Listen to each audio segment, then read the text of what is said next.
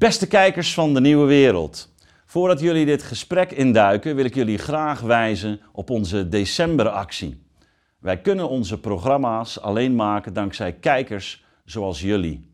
Vorig jaar hadden we bijna 5000 donateurs en daar willen we dit jaar natuurlijk graag overheen. Help ons dus en steun ons door te klikken op de link rechtsboven in beeld of ga naar de beschrijving hieronder. Ik dank jullie bij voorbaat van harte. Welkom bij de Nieuwe Wereld, verdiepende gesprekken in een tijd van verandering. Mijn naam is Jelle van Baardewijk en vandaag is bij mij te gast Albert Mark van Leeuwen, filosoof.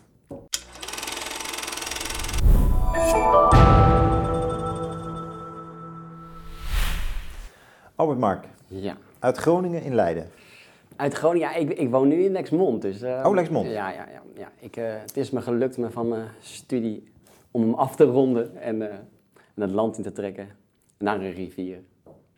En eh, jij bent docent filosofie, los van dat je ook filosoof bent, aan een middelbare school. Ja, aan de middelbare school. Geef er ook maatschappijleer. En ehm, ja, ik eh, probeer het onderwijs daar een beetje... Zelfs, ik zit in een commissie die het onderwijs ook een beetje een kant op probeert te duwen. En eh, nou ja, ik ben van, bij van alles betrokken, maar eh, ik geef vooral les. Filosofie, maatschappijleer. Leuk. Ik, eh, ik, eh, wij hebben elkaar al eens eerder gesproken eh, op een congres, omdat jij les geeft uit een boek wat ik samen met Ad heb geschreven. Ja, En Govert, Het Goede Leven en de Vrije Markt. Bekijk het eens, kijkers van de Nieuwe Wereld. het is namelijk een boek dat niet alleen een lesboek is, maar denk ik ook een publieksboek. Het wordt ook zo wel verkocht. Het is wel uit 18, dus het is al wat ouder, maar niettemin nog wel relevant. Alleen het coronalijntje zit er nog niet in.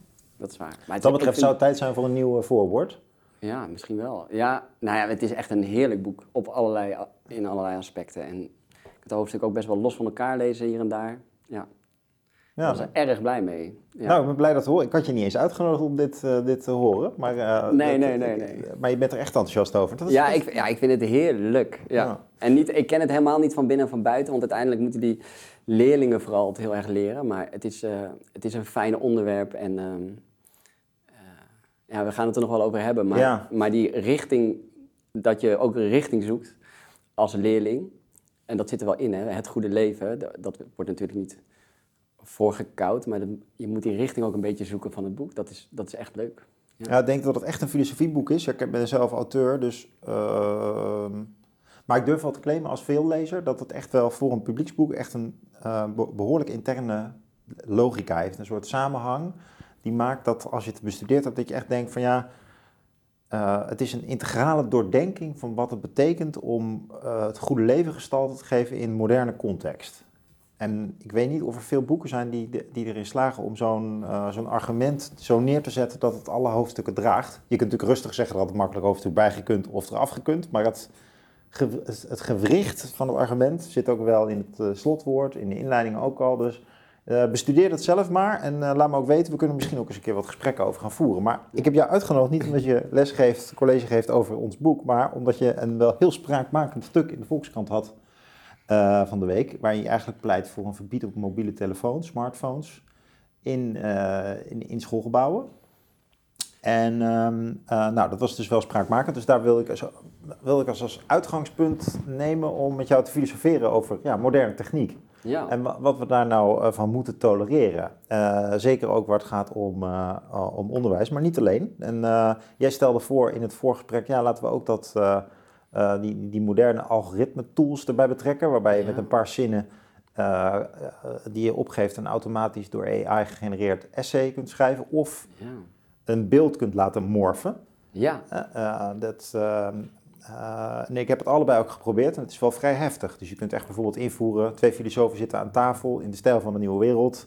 Eh, ze drinken water en ze bediscussiëren de keerzijde van de moderne techniek. En dan Ja. krijg je dus een essay of een fotocollage die eh ja, angstaanjagend dicht bij de werkelijkheid komt, maar dus toch nep is. Ja. En, maar het is irritant goed, af en toe, toch? Ja, nou zeker. Ja. Laten we dat als tweede thema Ja. oppakken en eens beginnen met dat eh essayistische opiniestuk van jou. Wat, wat, eh, wat beweegt jou er nou toe om eh, bij het smartphoneverbod uit te komen? En wat is daar nou jouw filosofische redenatie ook achter? Filosofische redenatie. Ja, nou, het is... Ehm, het is best wel een beetje een lang proces. Ik, ik heb die smartphone, die komt in de klas en met alles wat in de middelbare school is, is het een soort kat-en-muisspel. Ehm, en, maar het is, ook, ehm, ja, het is ook een soort verlengstuk van hun lijf bij sommigen. Eh, dus het is heel erg, ehm, heel lang heb ik er, wat moet ik er nou mee? En wij hebben bijvoorbeeld ook nu verplicht een tas in de, in de klas hangen. En daar kun je ze, als je op tijd bent in de les, maar dat ben ik dus nooit. Ik ben in sommige dingen van lesgeven best wel goed, maar dit is eh, zo'n detail waar ik slecht in ben. Maar dan kun je er bij de deur gaan staan en zeggen, je legt hem daarin. En de regel is ook wel, die telefoon hoort er niet te zijn. Eh, maar je bent er toch echt veel mee bezig. Hè? Dus je krijgt zo'n toppunt bij een WK. Als er een WK-wedstrijd onder je les is, dan, dan is het gewoon... Dat is ook leuk, want dan wordt het echt moeilijk. Weet je wel, dan ben ik gewoon achter in de klas gaan zitten. Zo van, dit gaat echt niet gebeuren. Jij gaat nu niet het WK-wedstrijd zien. En ik pak ze af en nou, ik, ik doe van alles. Ik, ik ben in sommige dingen slecht, maar ik kan wel orde houden. Dus ik kan het spel wel, maar... En er zijn ook voordelen. Ehm, hè, dus de allerslechtste leerlingen eigenlijk, die kunnen bijvoorbeeld, kon ik ook nooit, eh, eh, niet een schrift twintig keer meenemen. Terwijl aantekeningen vind ik heel belangrijk. Ehm, en maar mobiel hebben ze altijd bij hun. Dus ik heb nu van die leerlingen die nooit aantekeningen maakten in de schrift, die zeggen van ja, maar ik heb deze aantekening over Plato van drie jaar geleden nog meneer. Weet je wel? En dan, dan komt mijn leerling, ja, ik zeg slechtste leerling gewoon qua discipline. Hè? Dus dat, dus dat heeft ook voordelen. Dus ik ben, maar je bent er heel lang mee bezig. Eh, eigenlijk het belangrijkste argument om nu te zeggen van hij moet gewoon echt weg, is dat je het. ehm, nee, er zijn heel veel redenen. Maar mijn doorslaggevende reden was ook van we verliezen best wel wat beginnende docenten. Hè, of dat nou zijinstromers zijn of, of, of startende leraren. En die, ja, het is gewoon moeilijk. Als je niet als school zegt, s ochtends in het kluisje en smiddags er weer uit, dan ben je ermee bezig. Of je staat bij die telefoonzak, of je na, na zes weken heb je denk je van ik heb ze, en na, na acht weken ben je zitten ze weer overal in de tassen. Ja, je, je wordt natuurlijk leraar omdat je graag iets wil overdragen. En mensen wil helpen om zichzelf te ontplooien. En met gebruik Ja. van jouw vak. En in de praktijk ben je zo'n politieagent aan het spelen. Ja, nou ja, ja. Dit is, dat, speel, dat spel speel je te veel. En inderdaad, je wil mensen eh, bij hebben die we, gaan- we gaan samen proberen te ontwikkelen. Dat is het grote doel. En het zou fijn zijn als dat af en toe wat prettig is. Maar achter dat telefoontje zit gewoon eh, Silicon Valley. Er zitten gewoon allemaal mensen om aandacht te schreeuwen. En die, die zijn er goed in en die lezen zich in in wat de psychologie ook eh, te bieden heeft. Ehm, en die proberen het gewoon, vooral, hè, dat is ook itereren, heel veel dingen uit van wat geeft nou aandacht. En ja, dat zijn gewoon snoepjes.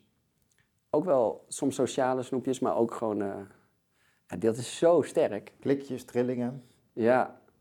Ja, of ja, ik heb ook dat dan... eh, meneer Kroon heeft het cijfer online gegeven, weet je wel. We doen het als school ook zelf. En dan zit iedereen van, oh, ik moet mijn cijfer van... Weet je wel, nou, dan ben ik ze weer kwijt. Het is allemaal switch-tasken.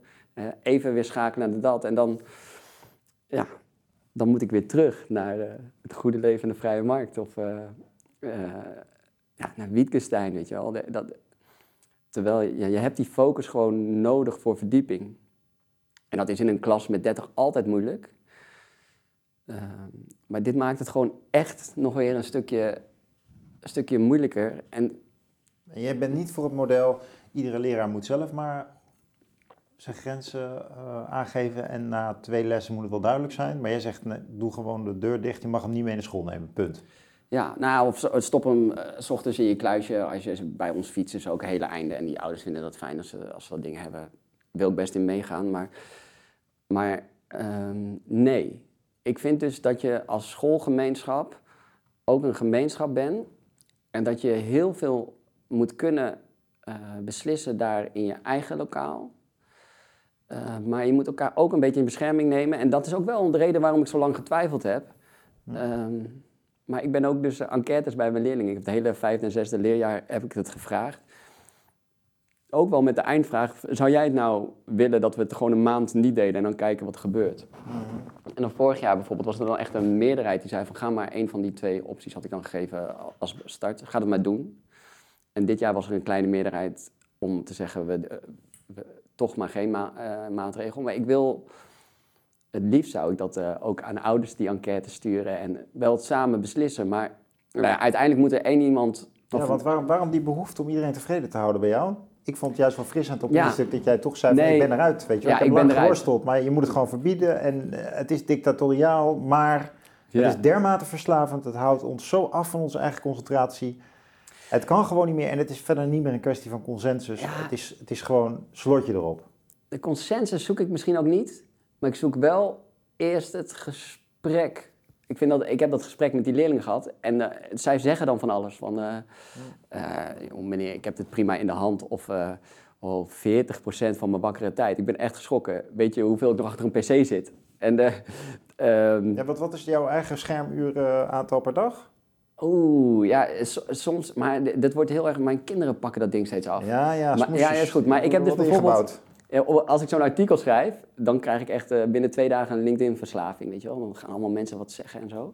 Dus dan moet ik dan weer helemaal afbouwen. Dus, maar de- Oh ja, ja, als je het helemaal geschreven hebt, dan post je het op LinkedIn en dan ga je dan de hele dag die feed checken. en dan krijg ik allemaal van die geluksmomentjes als iemand als, iemand als jij zegt van, oh, interessant, weet je wel. Ja.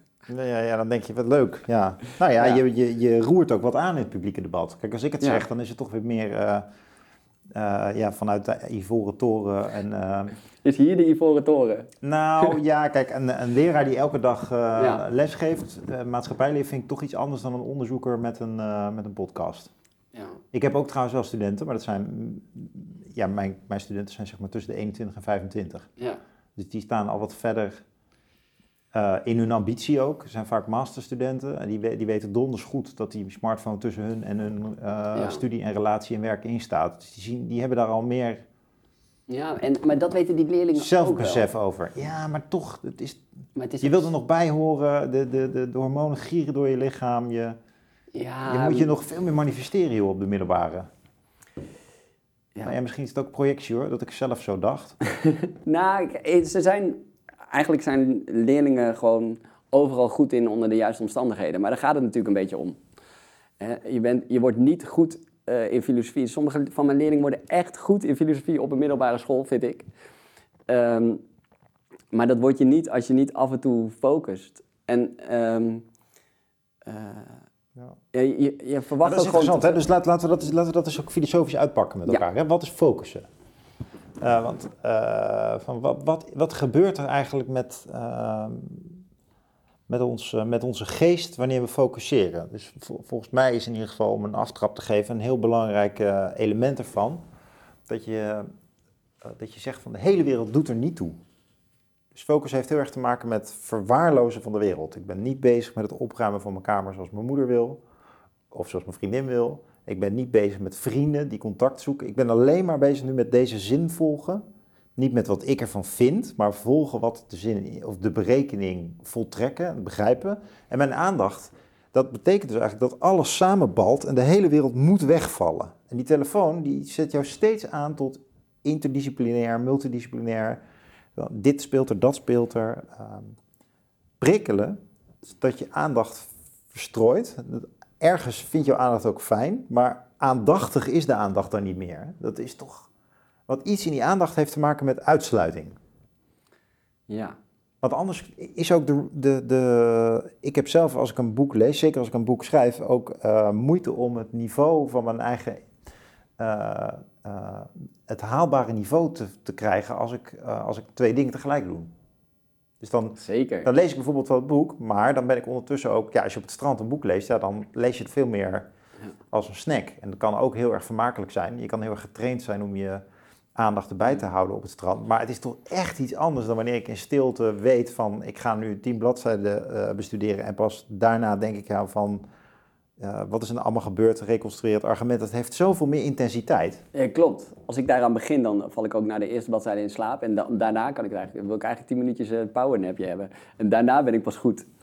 Maar, Je, en moet, dat er is zelfs, ook je niet... moet er zelfs inkomen, zeg je. Ja. Dus de, en dat is natuurlijk... Je zit al met best wel veel leerlingen in de klas. Dat is al best heel ingewikkeld om te bereiken. Hè? Dus eh, als ik dat wil bereiken, dan, dan, ehm, dan ben ik echt heel streng. Ehm, wat er nog veel meer in een klas moet gebeuren, is dat je eh, luistert eh, naar die leerlingen om je heen. Eh, tenminste bij mij en naar mij. Ehm, maar daar hebben ze ook een focus voor nodig. Dat gewoon dat, dat switchen naar die, naar die mobiel, dat is zo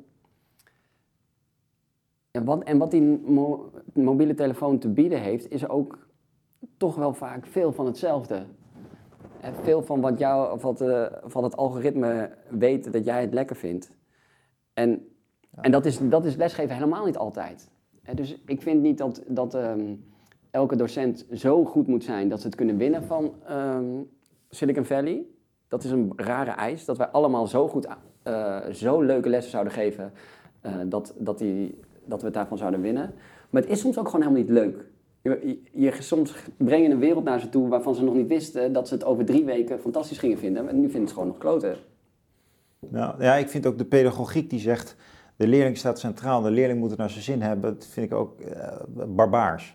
Barbaars. Ja, vind ik zelfs barbaars. Ik denk dat echt een toppunt van beschaving is dat je eerlijk bent over dat je iets eh, met elkaar bestudeert, dat het ingewikkeld is en dat je je weg er nog in moet vinden. Dat dat eigenlijk veel, het is veel eerlijker. En uiteindelijk wordt het dan ook zo leuk voor zoveel mensen. Maar als je daarmee begint, dan het is het resultaat als het mee zit. Maar laten we wel zijn, de helft van de leerlingen vindt school niks. Is heel blij als ze na het VMBO uitstromen. Of na de HAVO. Of zelfs na het VWO. Eh, weet je dat een heel groot deel van de VWO'ers die bij mij op de universiteit komt, die, die, die zijn nog blasé. Die willen eigenlijk niet. Die zijn ook al, die, die, Ja. en ze hebben jarenlang een pedagogiek meegemaakt waarvan leraren dus een onderdeel vormden die zeiden van ja, maar we moeten vooral jouw interesse volgen, maak jij je keuzes, maar je eigen Ja. vakkenpakket kies, je eigen onderwerp. Dus het werkt ook niet. Het werkt helemaal niet. Dat, ja, het zijn twee uitersten die, die allebei iets moois in zich hebben. Maar als, je, als, ik, als ik aan mijn klasse vraag wie zit er gewoon, eh, weet ik veel, 80% van, van de tijd op school zijn tijd uit te zitten. Wie probeert gewoon de dag te overleven. Ja, dan, dan gaat zeker een derde van de vingers eh, een hand omhoog. Op een goede dag. Weet je wel? Anders zijn het er meer. Dus. ehm, En is dat erg? Albert Mark, is het nou erg dat die jongens bij jou in de, in de zaal zitten en zeggen van ja, ik zit die tijd uit? hè? Weet je wel? En dan zit het nog bij maatschappijleren ook. Kijk, bij wiskunde kan ik me iets bij voorstellen. Hoewel, ja, je hebt natuurlijk ook weer de beta's die daarvan genieten. Maar de meeste mensen zullen dat meer als een struikelblok zien, als een plichtpleging. Ja, Maar is het nou eigenlijk erg dat die pubers zeggen van... ik zou liever op mijn smartphone zitten? Ik, nee. ik vind het ook een gebrek aan relativeringsvermogen van de maatschappelijke orde. Je moet dat gewoon kunnen relativeren. En je moet ook kunnen bedenken van... we zijn er zelf ook jong geweest. Ik stond ook liever op mijn skateboard. Ja. Maar dan toch even terug naar die focus. Ik denk dat we het ze wel moeilijk maken om die verdieping uiteindelijk te krijgen. Het, waar het uiteindelijk je erachter kan komen of het mooi voor jou is of ook, ja, je hebt, ik ben nou er diep in, ik vind nog steeds niks. Eh, dat mag ook en dan moet je nog steeds je cijfer halen, prima. Ehm, maar we maken die focus zo moeilijk. Want een van de voorstellen die ik onder andere doe, ik wil die mobieltjes weg.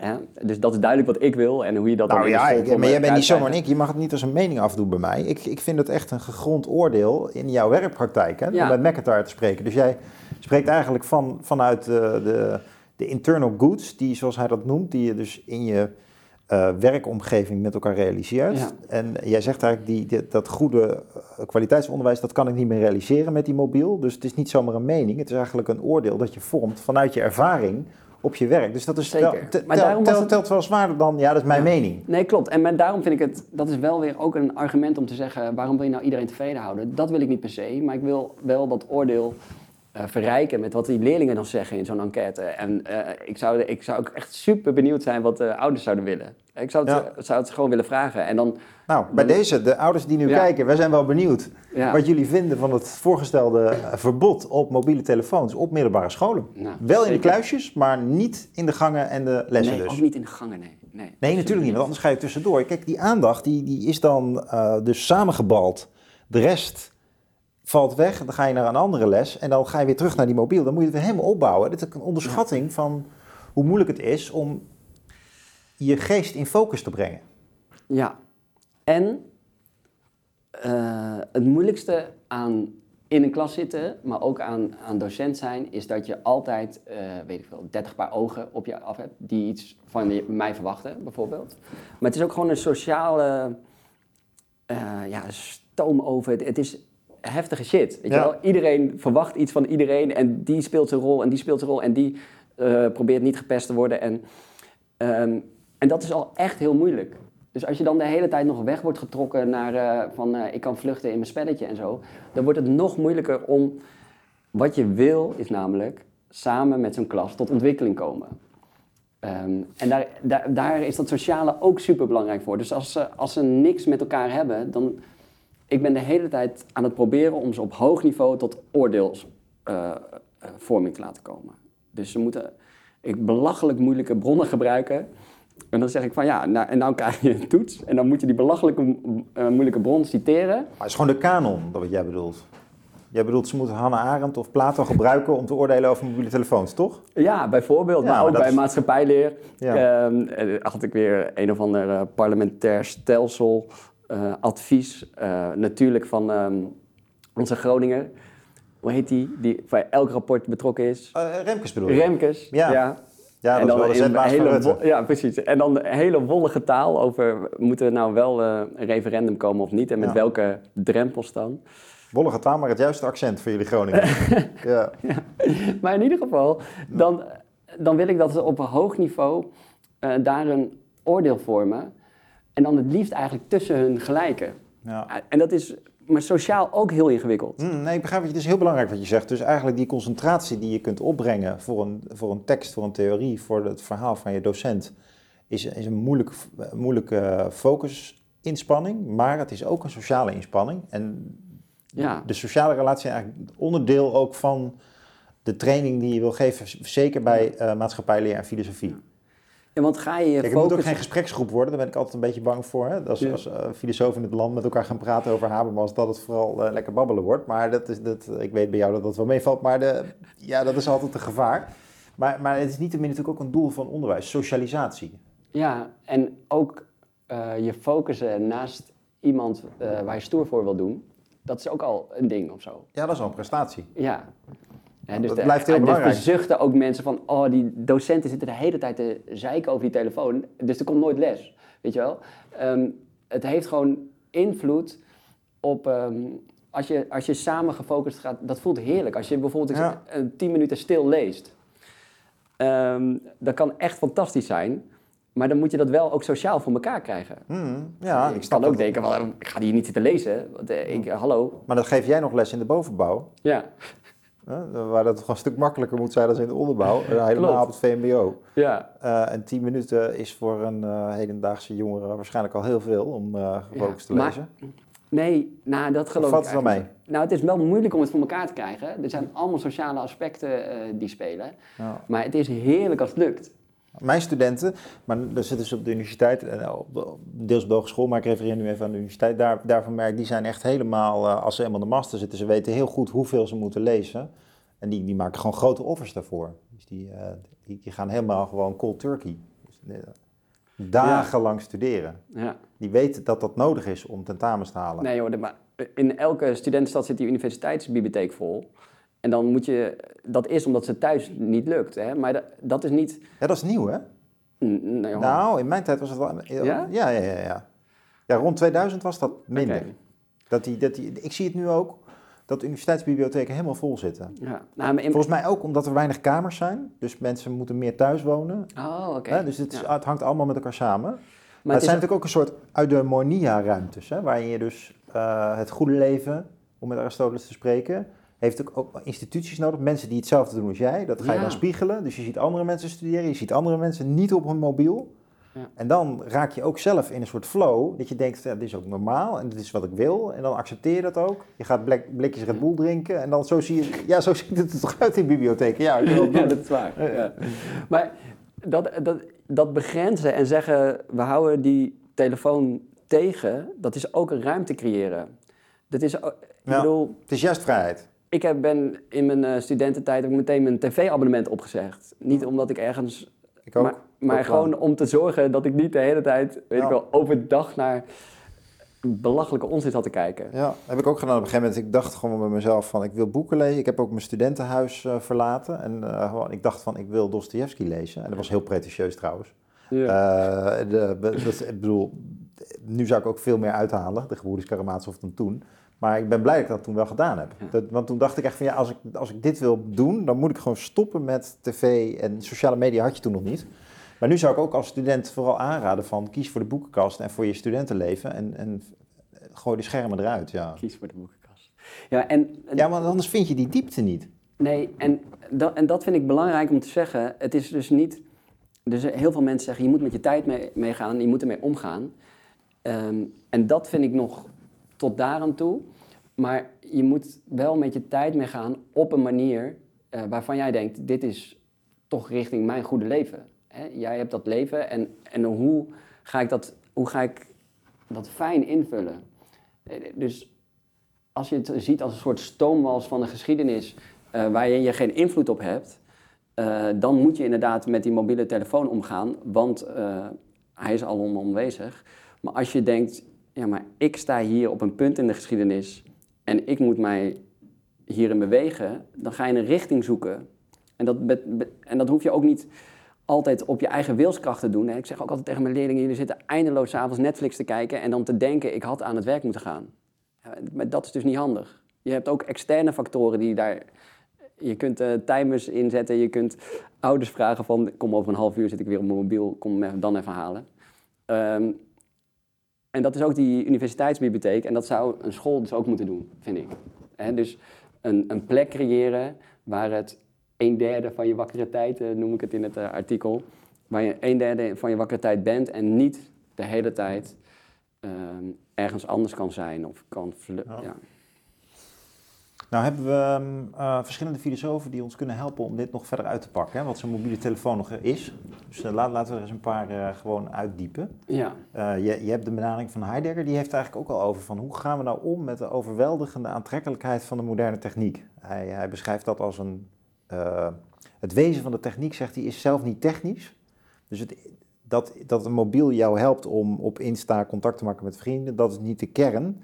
Eh, het wezen van de techniek is namelijk niet technisch, maar het wezen is eigenlijk het gestel. En dat is het eigenlijk alles verslindende ehm, denk- en handelingsraamwerk. Het, het, gestel zoals van een boekenkast, zeg maar, een soort van het, het, stelsel van, eh, ja, je zou bijna zeggen energie tegenwoordig, maar het, het, stelsel dat eigenlijk uit is op jouw opslokken. En jou eigenlijk eh, steeds weer erin toe aanzet om die techniek te blijven gebruiken, om te blijven communiceren, om eh, te blijven consumeren ook.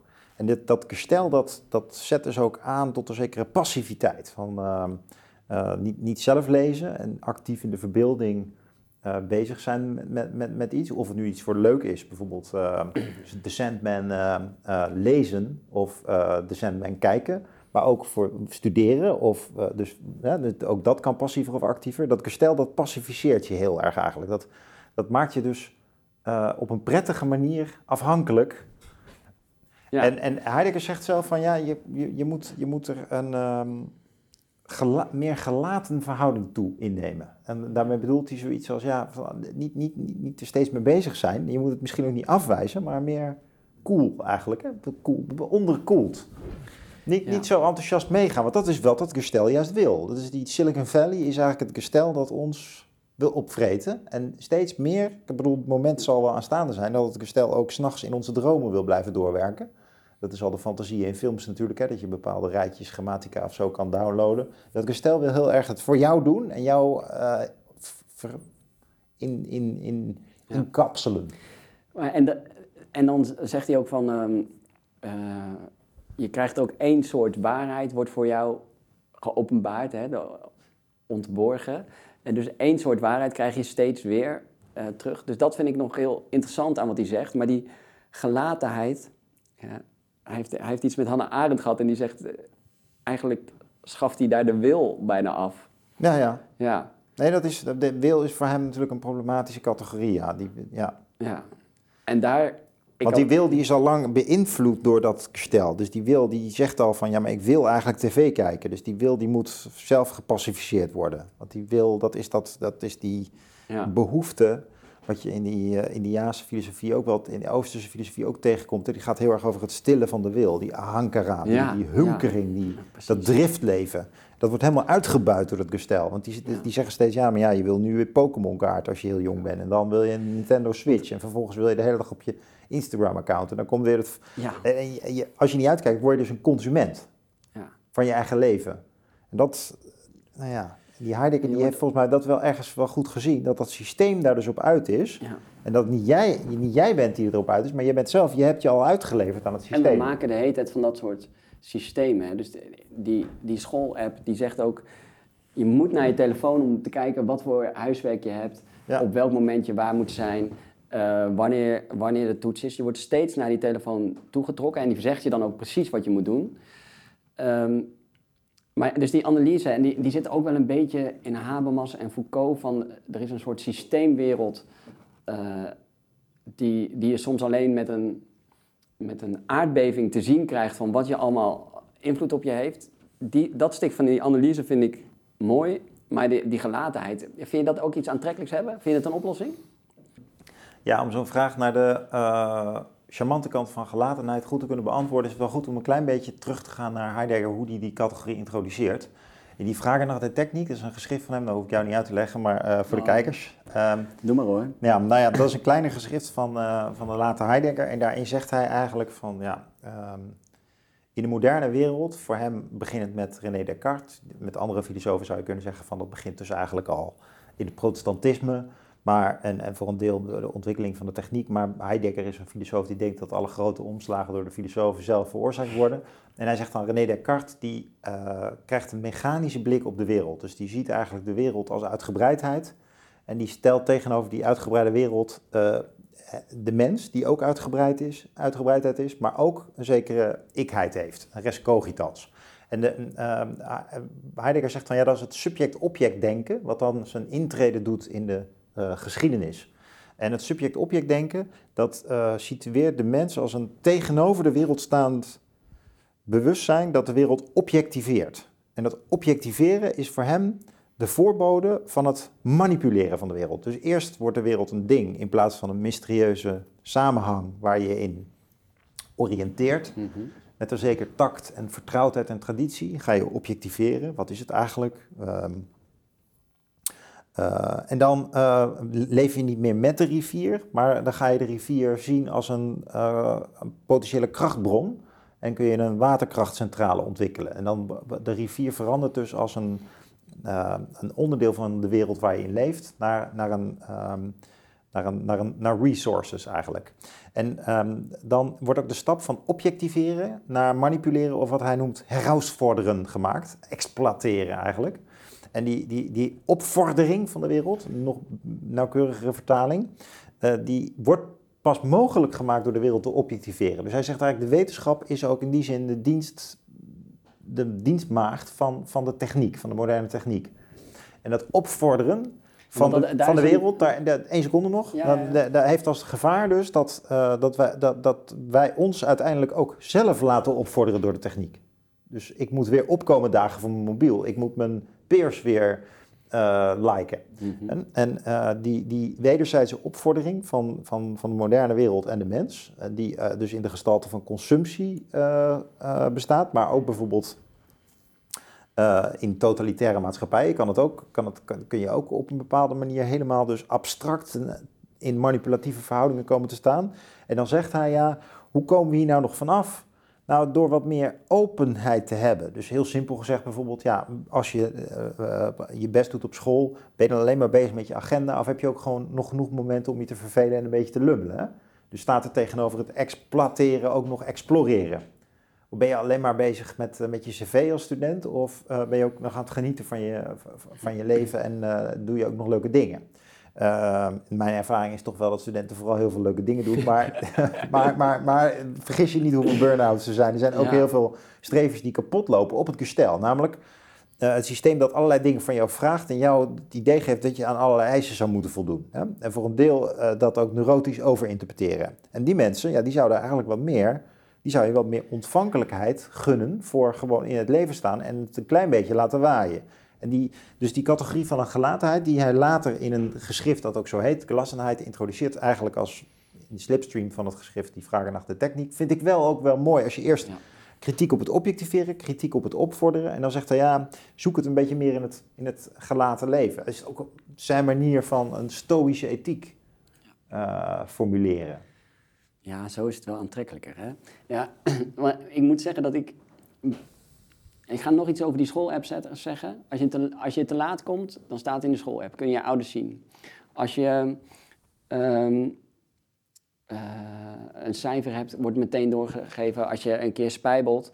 Uh, maar er staan dus ook allemaal eisen van verschillende docenten in. Hè? Ik, ik, zijn net al, begon er al eventjes aan, maar toen kwamen we weer op die mobiel. Maar we hebben ook heel veel vakken op de middelbare school, die allemaal een paar uur per, per ehm, week zijn. Waardoor docenten dus heel veel leerlingen hebben, want ze hebben hele kleine vakjes.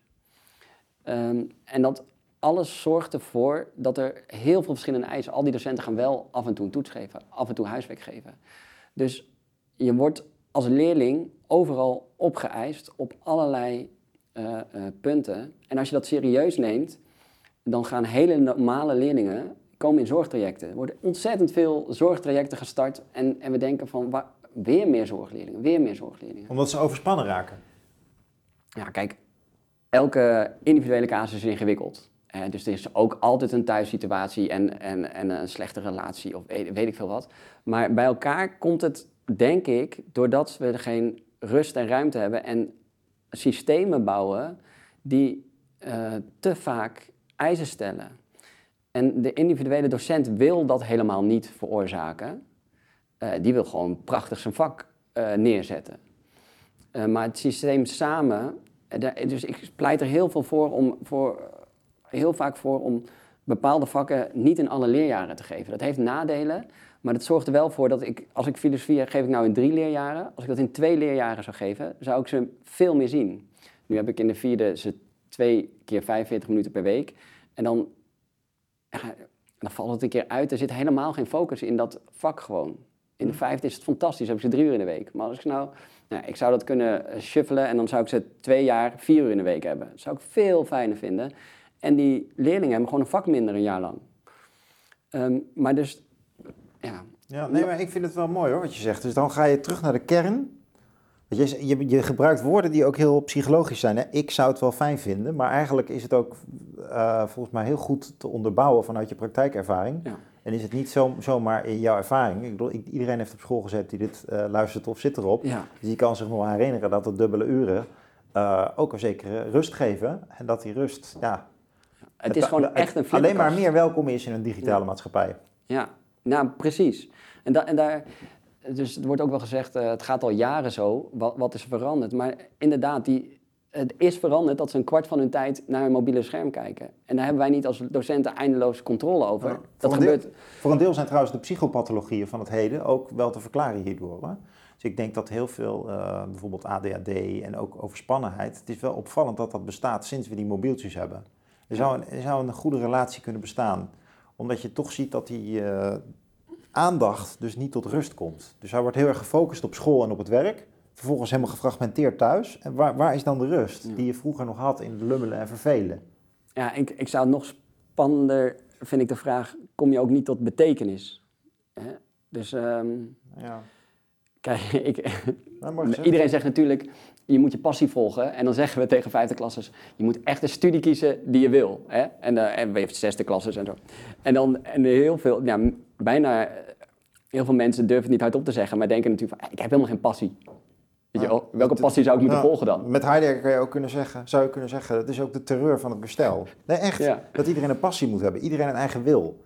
Dat, is, dat, is zelf, dat is zelf eigenlijk het kapitalisme, zoals we dat nu noemen. Want waarom eigenlijk zou iedereen? Waarom kan je niet gewoon genieten van wat je doet en je leven uh, vrolijk inrichten? En, en, een passie is natuurlijk een absurde focus op iets. Iets wat je heel graag zou willen.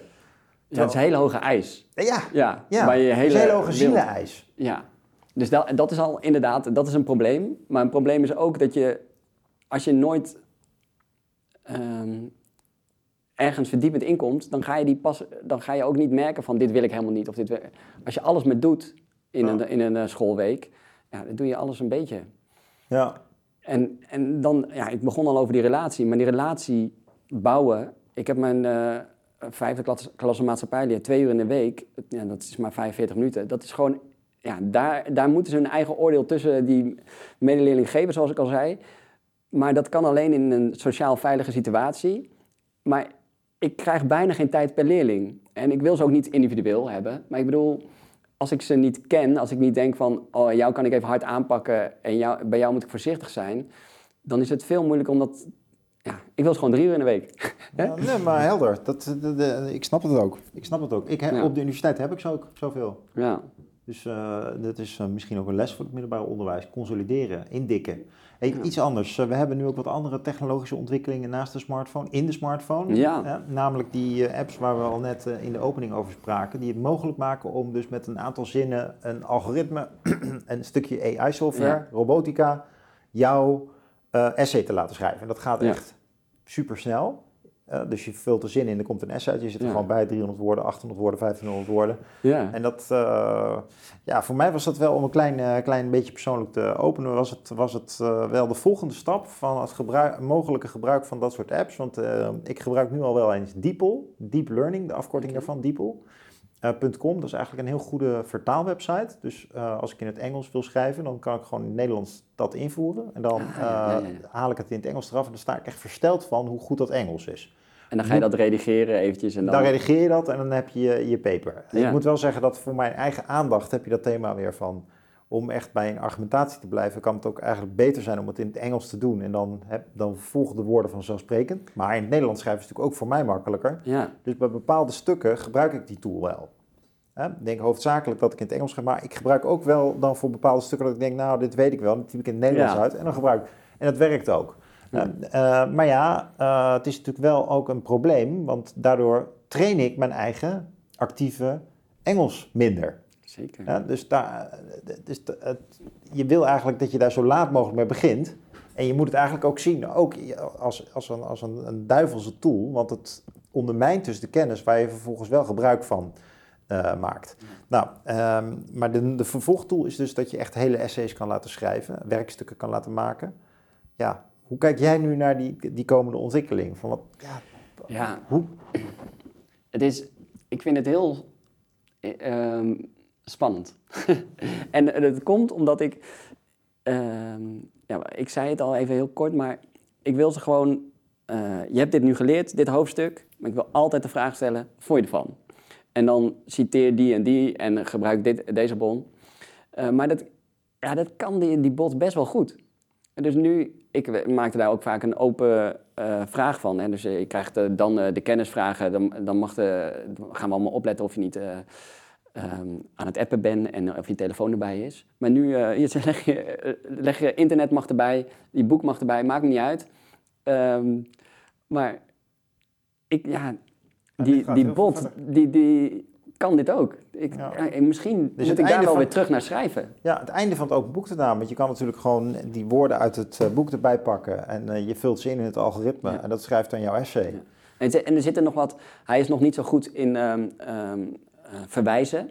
Hè, dus daar kun je, je kunt eh, natuurlijk proberen bij het proces te zijn, maar er zijn toch gewoon heel veel stukken die pas in de laatste twee dagen heel goed worden. Dus je zou, kunnen zeggen van ik ga ve- veel vaker het in laten leveren en even kijken. Ehm, eh, en die persoon, maar je kunt hem ook een mening laten geven wel, hè?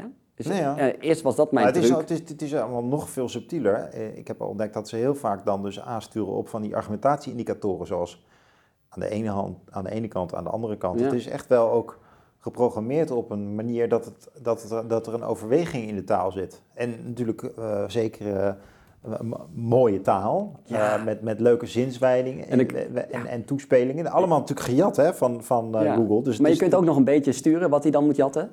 Hè? Dus, eh, Ja, je kan gewoon in de opdracht schrijven van in de stijl van de nieuwe wereld. Ja. ik, ja, die heb ik nog niet geprobeerd trouwens. Nee. Ik, ik kon zelf ook niet inloggen in het algoritme, want ik had, de- je moet dus een wachtwoord hebben en de wachtwoorden waren op, want het, het algoritme is overbelast. Oh, Dus, eh, dus ik heb op die van een vriend ingelogd. Dus ik Oh, heb maar ja. een paar keer geprobeerd. ja. Ehm, Ik heb ook weer heel veel overgelezen. Ik ben nog een beetje bang voor dat ding, joh. ja, nee, je moet Maar- het zeker proberen. ja, ook, ja, nee, het is echt lijp wat er allemaal uitkomt. Maar laat, Iedereen... laat, laat- laten we er ook eens even over filosoferen wat het nou kan eh, impliceren. Ik denk sowieso voor de onderwijspraktijk dat je gewoon terug moet naar eh, offline toetsomgevingen. En misschien zelfs met pen en papier. Maar in ieder geval ehm, een, een, een dom woord, Word gebruiken, zodat mensen dus echt nog zelf leren schrijven. En dan dit soort tools naast school kunnen gebruiken, maar niet op school. Maar dan heb je toch ook nog het eh, gevaar dus dat ze thuis goed eh, al die, die, die proefballonnetjes gaan eh, oplaten met de tool. En die onthouden en die dan uitschrijven in de klasruimte. Dus het is, Hebben ze wel wat gedaan, hè? Ja. ja, Ik, ik, je wil ook die hele... Kijk, de, een van de kritieken op, de, op die bot is van... ehm, het is een stochastische pa, papegaai. Nou in ieder geval, je krijgt gewoon wat er al was. Hè, dus het is niet dat die... Maar er is veel, hè? En er is veel. En Dus nieuwe ja. verbanden is toch ook een soort originaliteit.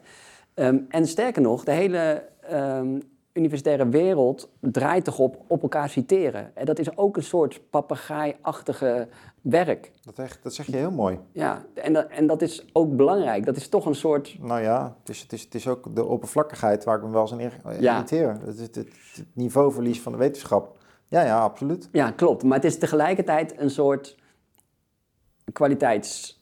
Ja, van, bij- heb jij, verhoud jij je tot Plato? Oké. Ja, ja. Maar je hebt wel heel veel scholars die zich natuurlijk verliezen in alleen nog maar kunnen citeren. Ja, maar Nee, dat, maar ja. dat is gewoon een bedorven praktijk op zich. ja.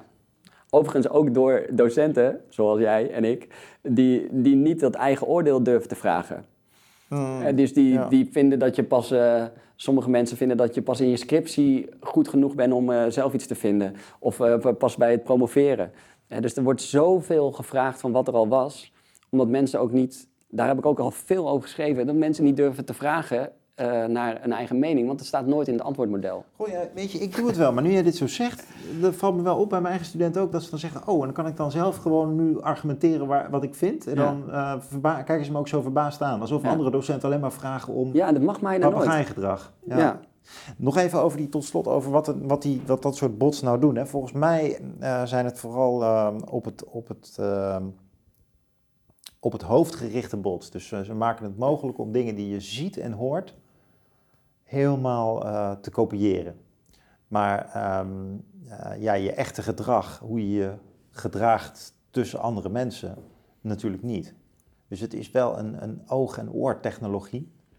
En daarmee ehm, heb je ook wel voor een deel ook je bewapening te pakken. Want als je mensen dus blijft vragen om in de schoolruimte of met elkaar geïsoleerd van die bots ehm, een gesprek op te zetten, dan, dan, dan, dan blijf je iets van de menselijke conditie bewaren. En ik zeg niet dat techniek alleen maar haak staat op de menselijke conditie hoor, want ik ben zelf ook een frequent gebruiker van, eh, van de smartphone en die bots, die zei ik al, dat diepel gebruik ik al. Dus ik sta er helemaal niet zeg maar ha- haaks op, maar je moet wel, zeker in een leeromgeving, natuurlijk bedenken van hoe kun je nog een, daarop voorbereiden. En waarschijnlijk moet je je toch voorbereiden door het eerst zeg maar, terug, terug in, de, in de ruimte waarin, waar je het buiten houdt. En waar je nog gewoon met je hele lichaam en je hoofd bij elkaar bent. En niet ondertussen via apps gemedieerd. Ja. Allemaal vergemakkelijkingstechnieken die het comfortabel maken, maar die jou niet in de diepte eh, leren om je op een bepaalde manier je gedachten te structureren. Ja, en als je dat isolement nog kunt bewaren, ja, dan volgens mij kun je dan nog blijven onderwijzen. Maar ja, als je het er toch gaat, in gaat implementeren, dan ben ik dus bang dat je ehm, eigenlijk een soort van eh cyborgs aan het trainen bent. Dus je, je leerlingen worden zelf dan gewoon mobiele telefoongebruikers die jij gaat onderwijzen. Ja. En het, het voelt ook tegenstrijdig hè, om die muren. Ik geef maatschappijleer. Om die muren steeds neer te zetten. Ehm, en er is ook een ontzettende rijkdom.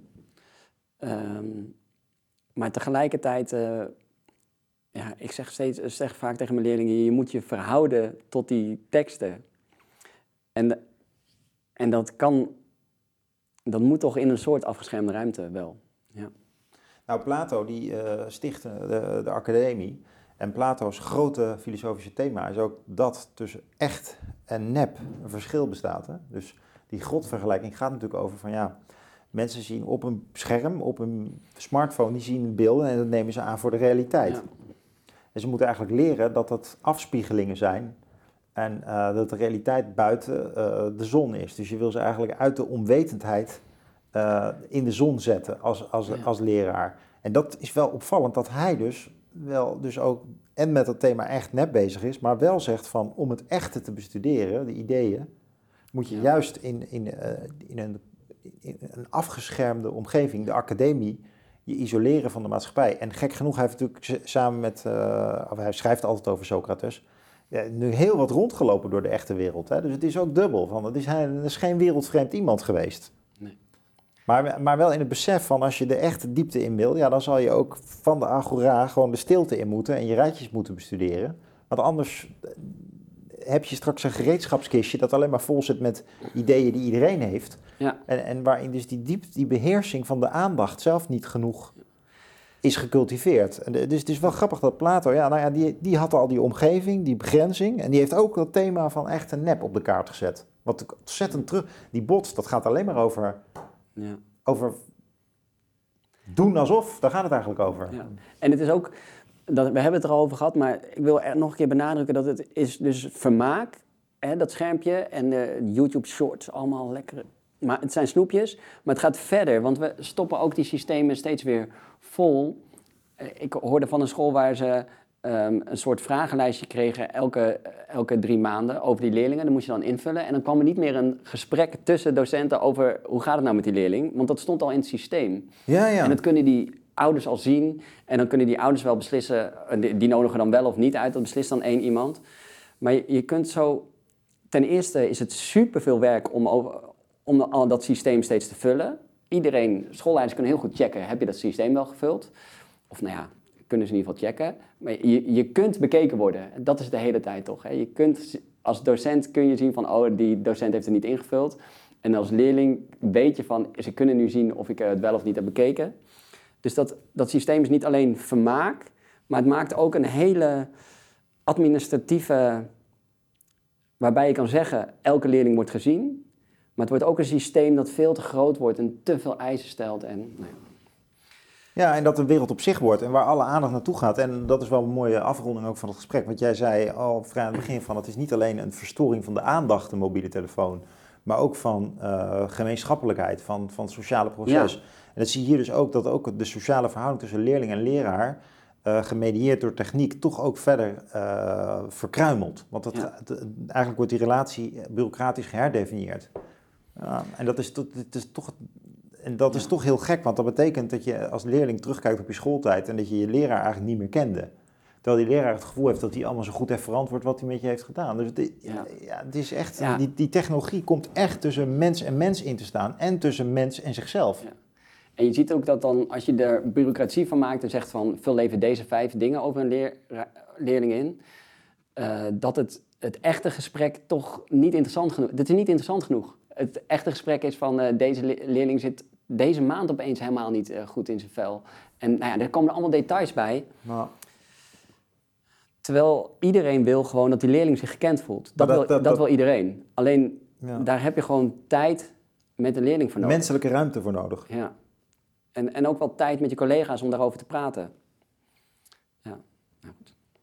Nou, het is belangrijk, het is belangrijk, intervisie. Met elkaar blijven eh, nadenken. Onder andere dus over de macht van de smartphone op de school. ja. Albert Mark, leuk dat je hier was. En bedankt dat ik er mocht zijn. Ja, en eh, nou, wellicht zien we je nog eens een keer terug. Heel leuk. Ja. Beste kijker, als je dit filmpje ziet, houd je kennelijk van de lange en verdiepende gesprekken van de nieuwe wereld. Wil je meer van onze video's zien? Klik dan op de afbeelding hier links. Of beter nog, abonneer je op ons kanaal. Je kunt ons natuurlijk ook steunen en daar zijn wij zeer op aangewezen. Klik dan op de afbeelding rechtsboven in beeld of ga naar de beschrijving hieronder voor meer informatie. Ik dank jullie bij voorbaat van harte.